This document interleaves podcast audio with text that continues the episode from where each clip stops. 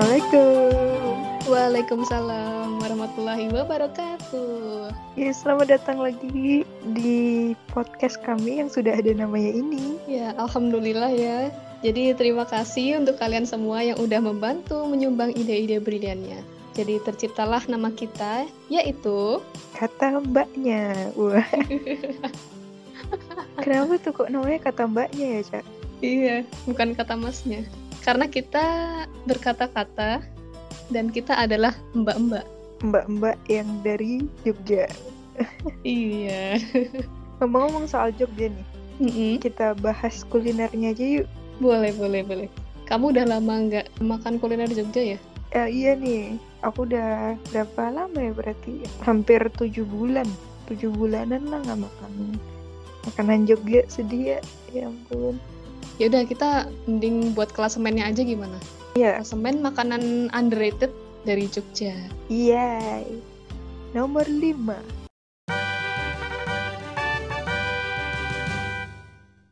Nomor 5 nih. Kalau aku sih nasi kulit surga. Wah, Tahu nggak, Cak? tahu sih aku. Itu tuh menjual ayam goreng, kulit goreng, paru, serundeng yang semuanya tuh biasanya dipaketin sama nasi dan sambel gitu. Mm-mm. Ini tuh menurutku enak banget sih soalnya garing gitu loh. Karena kan kalau kamu makan kulit terutama ya, itu kan suka ada Mm-mm. yang apa? Yang masih lembek-lembek gitu loh, Cak. Iya iya benar benar benar. Nah itu agak jijik gimana gitu. Nah makanya ketika nasi kulit surga ini ngeluarin kulit yang memang bener-bener garing tuh jadi favorit banget buatku. Mm-mm. Dan nasi kulit surga ini banyak banget cabangnya di Jogja. Tapi cabang favoritku adalah di Jalan Kaliurang KM4. Kenapa tuh? Beda apa emang yang sama yang cabang lain? Aku ngerasanya beda sih dari porsinya. Terus kalau cabang lain tuh Oh. kayak masih kadang-kadang agak lembek gitu loh, nggak garing kayak jakal. Jadi enak banget lah itu dan murah juga Mm-mm, kan. Kayak cuman 10 sampai 20 ribuan lah gitu tergantung menu paket mana yang kamu pilih gitu. Kalau kamu apa aja? Hmm. Ini aku bakal rekomendasiin kalian sebuah cilok. Kilo aci. Cilok yang ini enak. Dia tuh jualan cilok ya kayak cilok seperti umumnya cilok. Tapi yang ngebedain itu ciloknya isinya tuh kerasa dagingnya gitu. Aku nggak tahu sih itu daging atau apa. Cuman Mm-mm. ya kerasa enak aja sih. Jadi dia selain jualan cilok, dia itu jualan cimol juga. Mm-mm. Dan biasanya aku belinya tuh mix gitu. Kayak Oh, aku oke. bilangnya, "Bang, beli mix cilok sama cimol 5000 gitu." 5000 tuh dapat berapa tuh? Banyak sih, lumayan kenyang menurut aku. Untuk lokasinya ini di Jalan DI Panjaitan, nah itu kalau dari Pelengkung Gading itu selatannya dan itu di utaranya Swalayan Maga.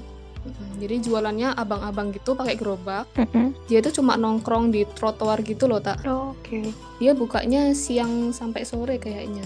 Aku biasanya sih belinya seporsi 5000 ya, cuman kayaknya bisa beli cuma 2000 3000 gitu deh. Dan itu udah banyak ya. Heeh, udah banyak banget dah, cukup kenyangin deh pokoknya. Klasemen keempat. Wah nih Cak, kalau kamu Cak. Oke, jadi kalau yang ini nggak di Jogja sih, tapi di Bantul. Kayak literal itu di Bantul kota. di provinsi DIY tapi nggak di kota Jogja. Iya, di Kabupaten Bantul. Jadi jaraknya lumayan lah kalau dari kota Jogja itu kayak sekitar 10 kilo mungkin. Mm-mm, Jadi dia tuh jualan nasi goreng kayak magelangan gitu, mm-mm. tapi yang Javanese style gitu loh, Kak. Jadi kecap-kecap gitu ya. Mm-mm. Jadi dia jualan nasi goreng Jawa yang appearance-nya tuh lebih dark gitu loh daripada nasi-nasi goreng yang lain. Mm-mm. Dan yang menarik dari nasi goreng ini, dia itu masaknya pakai anglo. Wah, tradisional banget. Iya. eh, tradisional banget jadinya. Jadi rasanya tuh kayak beda gitu loh. Ya nggak sih? Pernah nggak sih kamu ngerasain bedanya masakan yang dimasak pakai kompor gas sama anglo gitu? Iya sih, kadang kerasa tapi susah dijelasin gitu nggak sih Mm-mm. rasanya gimana. Iya, rasanya tuh beda gitu loh. Dan di situ masaknya tuh satu porsi satu porsi, jadi nggak bareng-bareng. Biasanya kan ada yang nasi goreng yang masaknya eh, bareng-bareng gitu loh. Jadi kayak banyak banget dimasak buat beberapa porsi gitu kan. Tapi di situ cuma satu porsi satu porsi gitu. Di porsinya tetek lah ya Mm-mm. per orang. Iya. Terus harganya berapaan tuh, Cak? Harganya itu kayaknya around 10.000 sampai 15.000 gitu deh. Aku agak lupa ya. Murah ya? Mm-mm, lumayan murah. Karena itu lokasinya juga di pinggir jalan, jadi itu di seberang alun-alun Paseban Bantul. Jadi bukanya itu malam habis maghrib gitu tak. Dan itu Hmm. gerobakan gitu juga sih. Jadi pas kemarin aku nyobain di situ cuma lesehan di trotoar juga gitu. Mantap, mantap. Kamu apa nih? Aku ada namanya ayam panggang Sunmor. Jadi kalau di Jogja kan Sunmor tuh Sunday morning di UGM kan Iya, ya. iya. Tapi ini beda. Namanya aja ayam panggang Sunmor tapi jualannya tuh di daerah Condong Catur di Jalan Anggar Jaya 2. Oh tapi dia nggak buka di Sunmor toh? Kayaknya dulu buka, Hmm. cuman toko bukan toko sih dia kayak warung tenda gitu. Mm-mm. Jualan yang pastinya itu di Condong Catur itu. Ya seperti namanya juga, dia tuh jualan ayam panggang. Mm-mm. Tapi yang spesial ini kan dia tuh ada dua versi nih, ada yang original sama pedes. Aku sih nggak berani nyobain yang pedes sih, soalnya aku pribadi nggak kuat pedes nih. Cuman aku nyobain yang ori. Ori tuh kayak dia dibumbuin apa ya? Kayak kecap sama bawang putih deh, terus dipanggang, terus dikasih nasi sama sambal. Meskipun original itu tetap ada sambalnya. Dan itu ya ampun itu enak banget. Dan yang pedes tuh juga pedes banget sih kayaknya kalau kamu gitu atau orang-orang yang suka pedes tuh pasti suka sama yang ayam panggang pedes ini.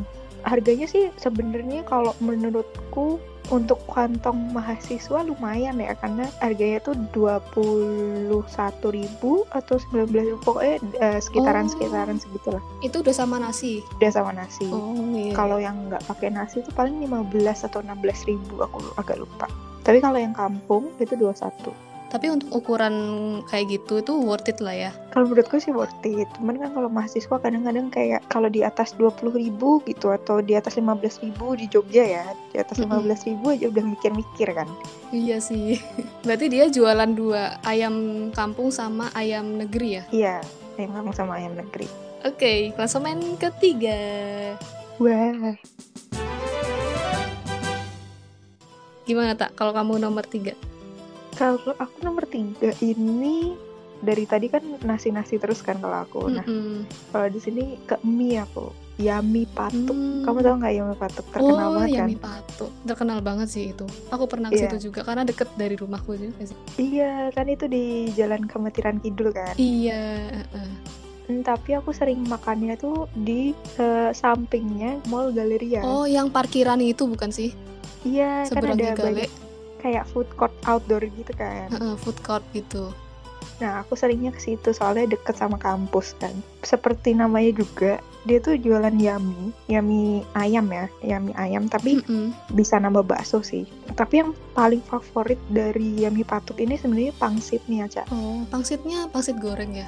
Iya, tapi dia sebenarnya jual dua, dua pangsit goreng sama rebus. Tapi kalau menurutku favoritku adalah pangsit goreng. Jadi kayak dia tuh kayak bakmi GM pangsitnya bakmi GM iya, gitu iya, loh. iya. Iya, Kan. bener-bener. Dan ada sausnya gitu. Tapi, tapi dagingnya tuh enak banget. Gak tau kenapa ya. Aku juga nggak paham. Em, daging dalam pangsitnya tuh enak banget dan dia tuh Daging ayam loh. Iya daging ayam, tapi nggak terlalu. Jadi kan pangsit tuh kadang-kadang suka berat ya. Kalau dia tuh nggak berat, tuh jadi enak banget lah. Eh, harganya ini juga lumayan apa lumayan agak mahal dalam tanda kutip ya, 20.000 per porsi. Banyak sih menurutku porsinya. Dan pangsitnya itu 12.000 dapat 5 seingatku. Kalau nggak salah ya. Murah dong pangsitnya.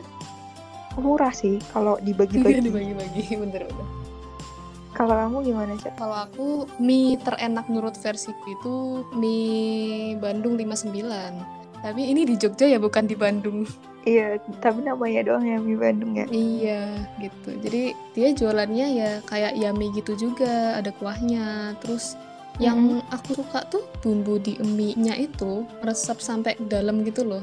Gak tahu sih ini perasaanku doang apa gimana. Tapi selain itu, dia tuh juga jualan bakso, cuangki, bubur, terus nasi tim, somai, batagor. Ini kayaknya semua maunya dijual deh.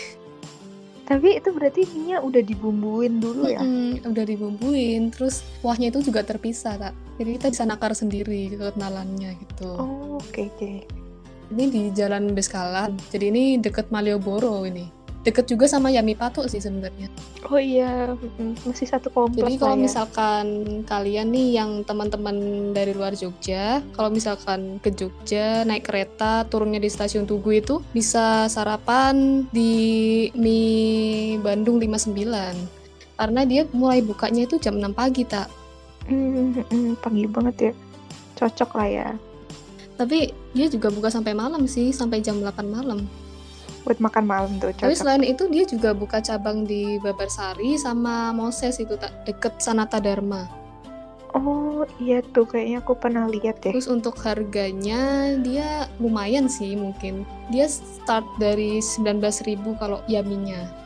Mm-mm. Terus kalau untuk rekomendasi aku itu eh, mie yang Szechuan, gak tahu sih ini ngomongnya gimana. Kenapa tuh? Soalnya bumbunya tuh beda tak? Kayak ada rasa pedes-pedesnya gitu. Dan untungnya nih buat kalian teman-teman yang penasaran sama rasanya tapi nggak tinggal di Jogja, Yami ini tuh lagi bikin versi kemasannya instan gitu loh, tak? Jadi bisa dikirim ke luar kota. Kayak frozen food gitu Kayak ya. mie instan gitu sih. Oh oke. Eh, jadi ya daripada teman-teman nih bikin mie instan terus, cobain deh sekali-kali bisa order di Instagramnya. Instagramnya itu at me underscores Bandung 59. Wah, dicobalah.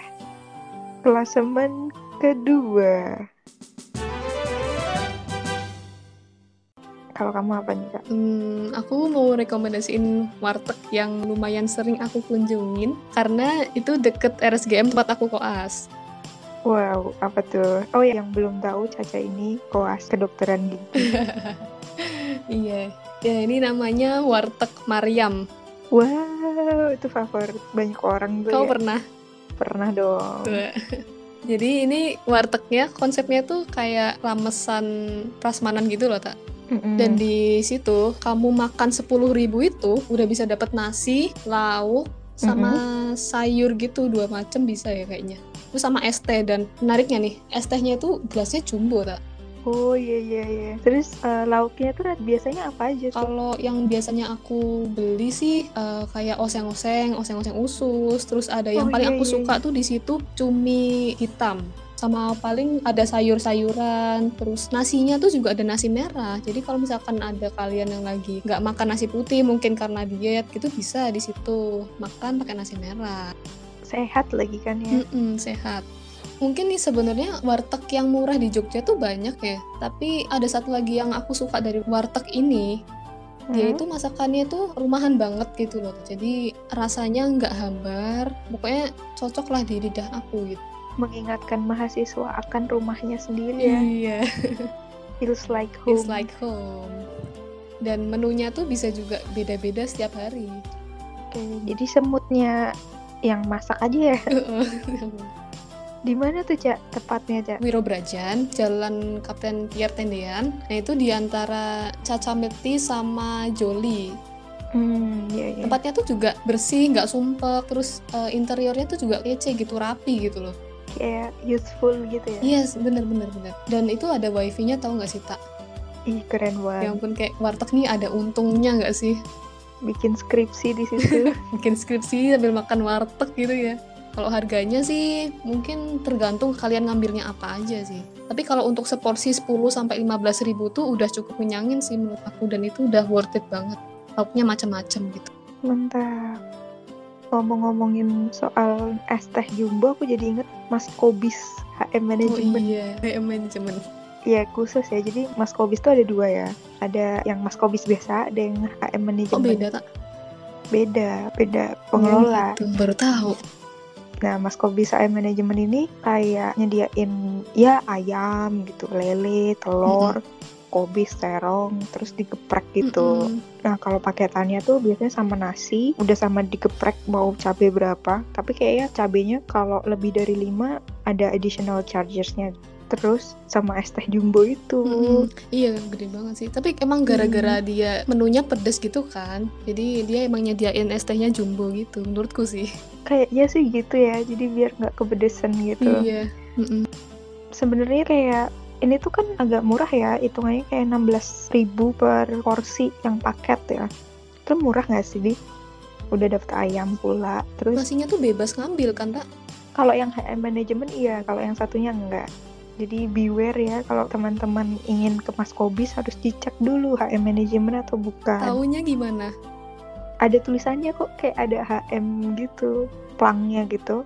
Ada tulisannya HM gitu kalau HM manajemen. Terus yang bikin enak tuh nggak tahu sih mereka tuh kayak ajaib aja kayak telur dadarnya itu ajaib aja rasanya gitu. Gak tahu ya karena minyak atau karena micin Hmm, bisa gitu. jadi Tapi kayak nggak ada yang bisa bisa- nandingin. oh bisa lihat itu loh masnya bikin secara live cara nguleknya Iya, gitu gitu jadi live terus show sih? bumbunya Mm-mm. tapi itu bikin sendiri sama bikinan Mas Kobis tuh pasti beda sih Mm-mm, karena beda. kita udah tahu kayak bumbu-bumbunya apa gitu Iya, tapi tetap aja beda gitu.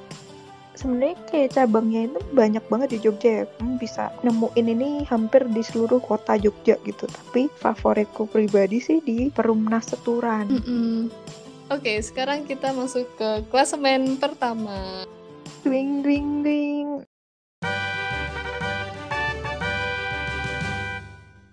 Aku dulu ya, Cak. Ini aku tidak sabar nih untuk mengutarakannya. Boleh, boleh. Ini adalah satu bakmi yang sebenarnya bakmi Jawa ya. Bakmi Jawa yang sebenarnya relatif baru ini bukanya. Yaitu bakmi gandong. Pasti kamu tahu. Aku tahu sih ini.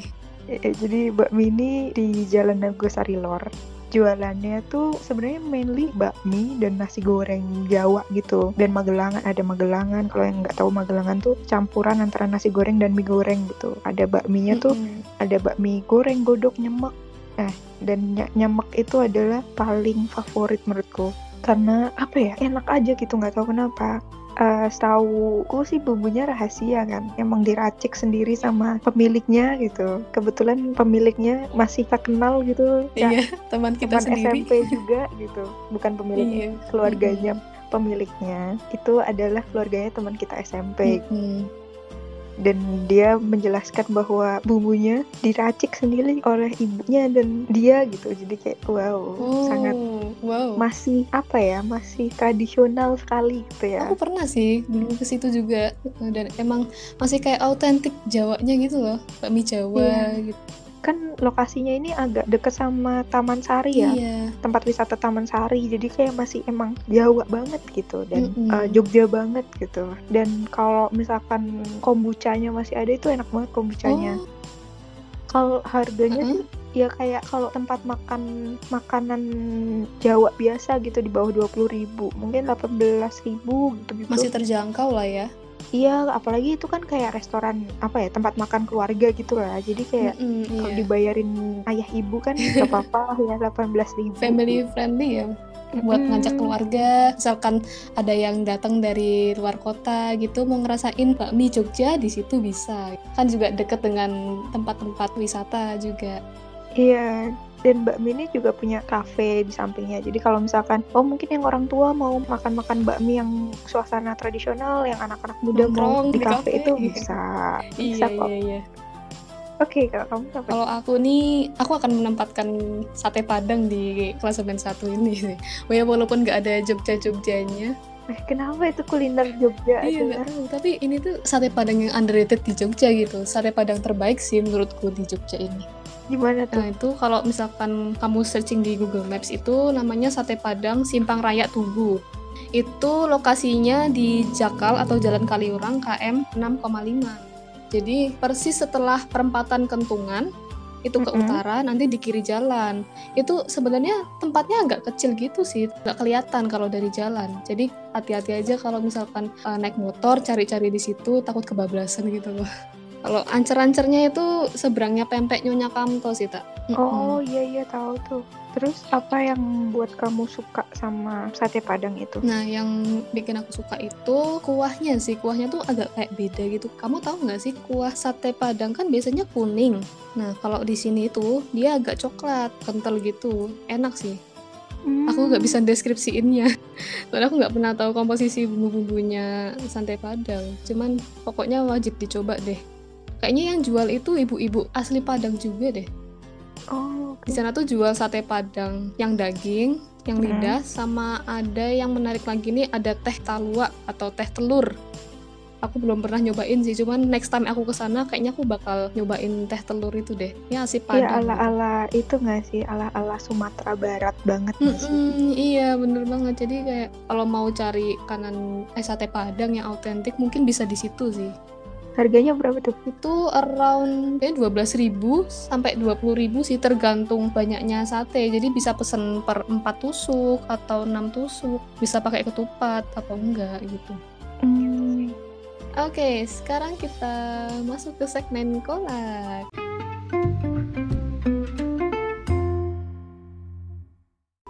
wih, kolag. Oke, jadi kolak kali ini apa tak? Lagu-lagu yang Lagu-lagu yang sering kita dengar waktu makan di Jogja. apa Kamu tuh? dulu aja. Oke, jadi kalau aku suka dengerin ini sih kayak musisi-musisi jalanan gitu bawain lagu Yogyakartanya Club Project. Ya nggak sih, Tak? Iya, karena ya karena karena kita di Jogja ya mungkin biar vibes-nya tuh sangat-sangat Jogja gitu mereka bawain lagu itu Em, kalau aku sih itu lagu yang cukup ikonik yaitu Jangan Menyerahnya The Massive yang dinyanyiin Oh iya. sama paduan suara di pinggir jalan buat nyari uang untuk Danusan iya buat danusan. Uh-uh. iya sih iya iya iya Pasti semua mahasiswa pernah mengalami itu. Kalau kalian belum pernah mengalami itu berarti kalian belum pernah masuk danus iya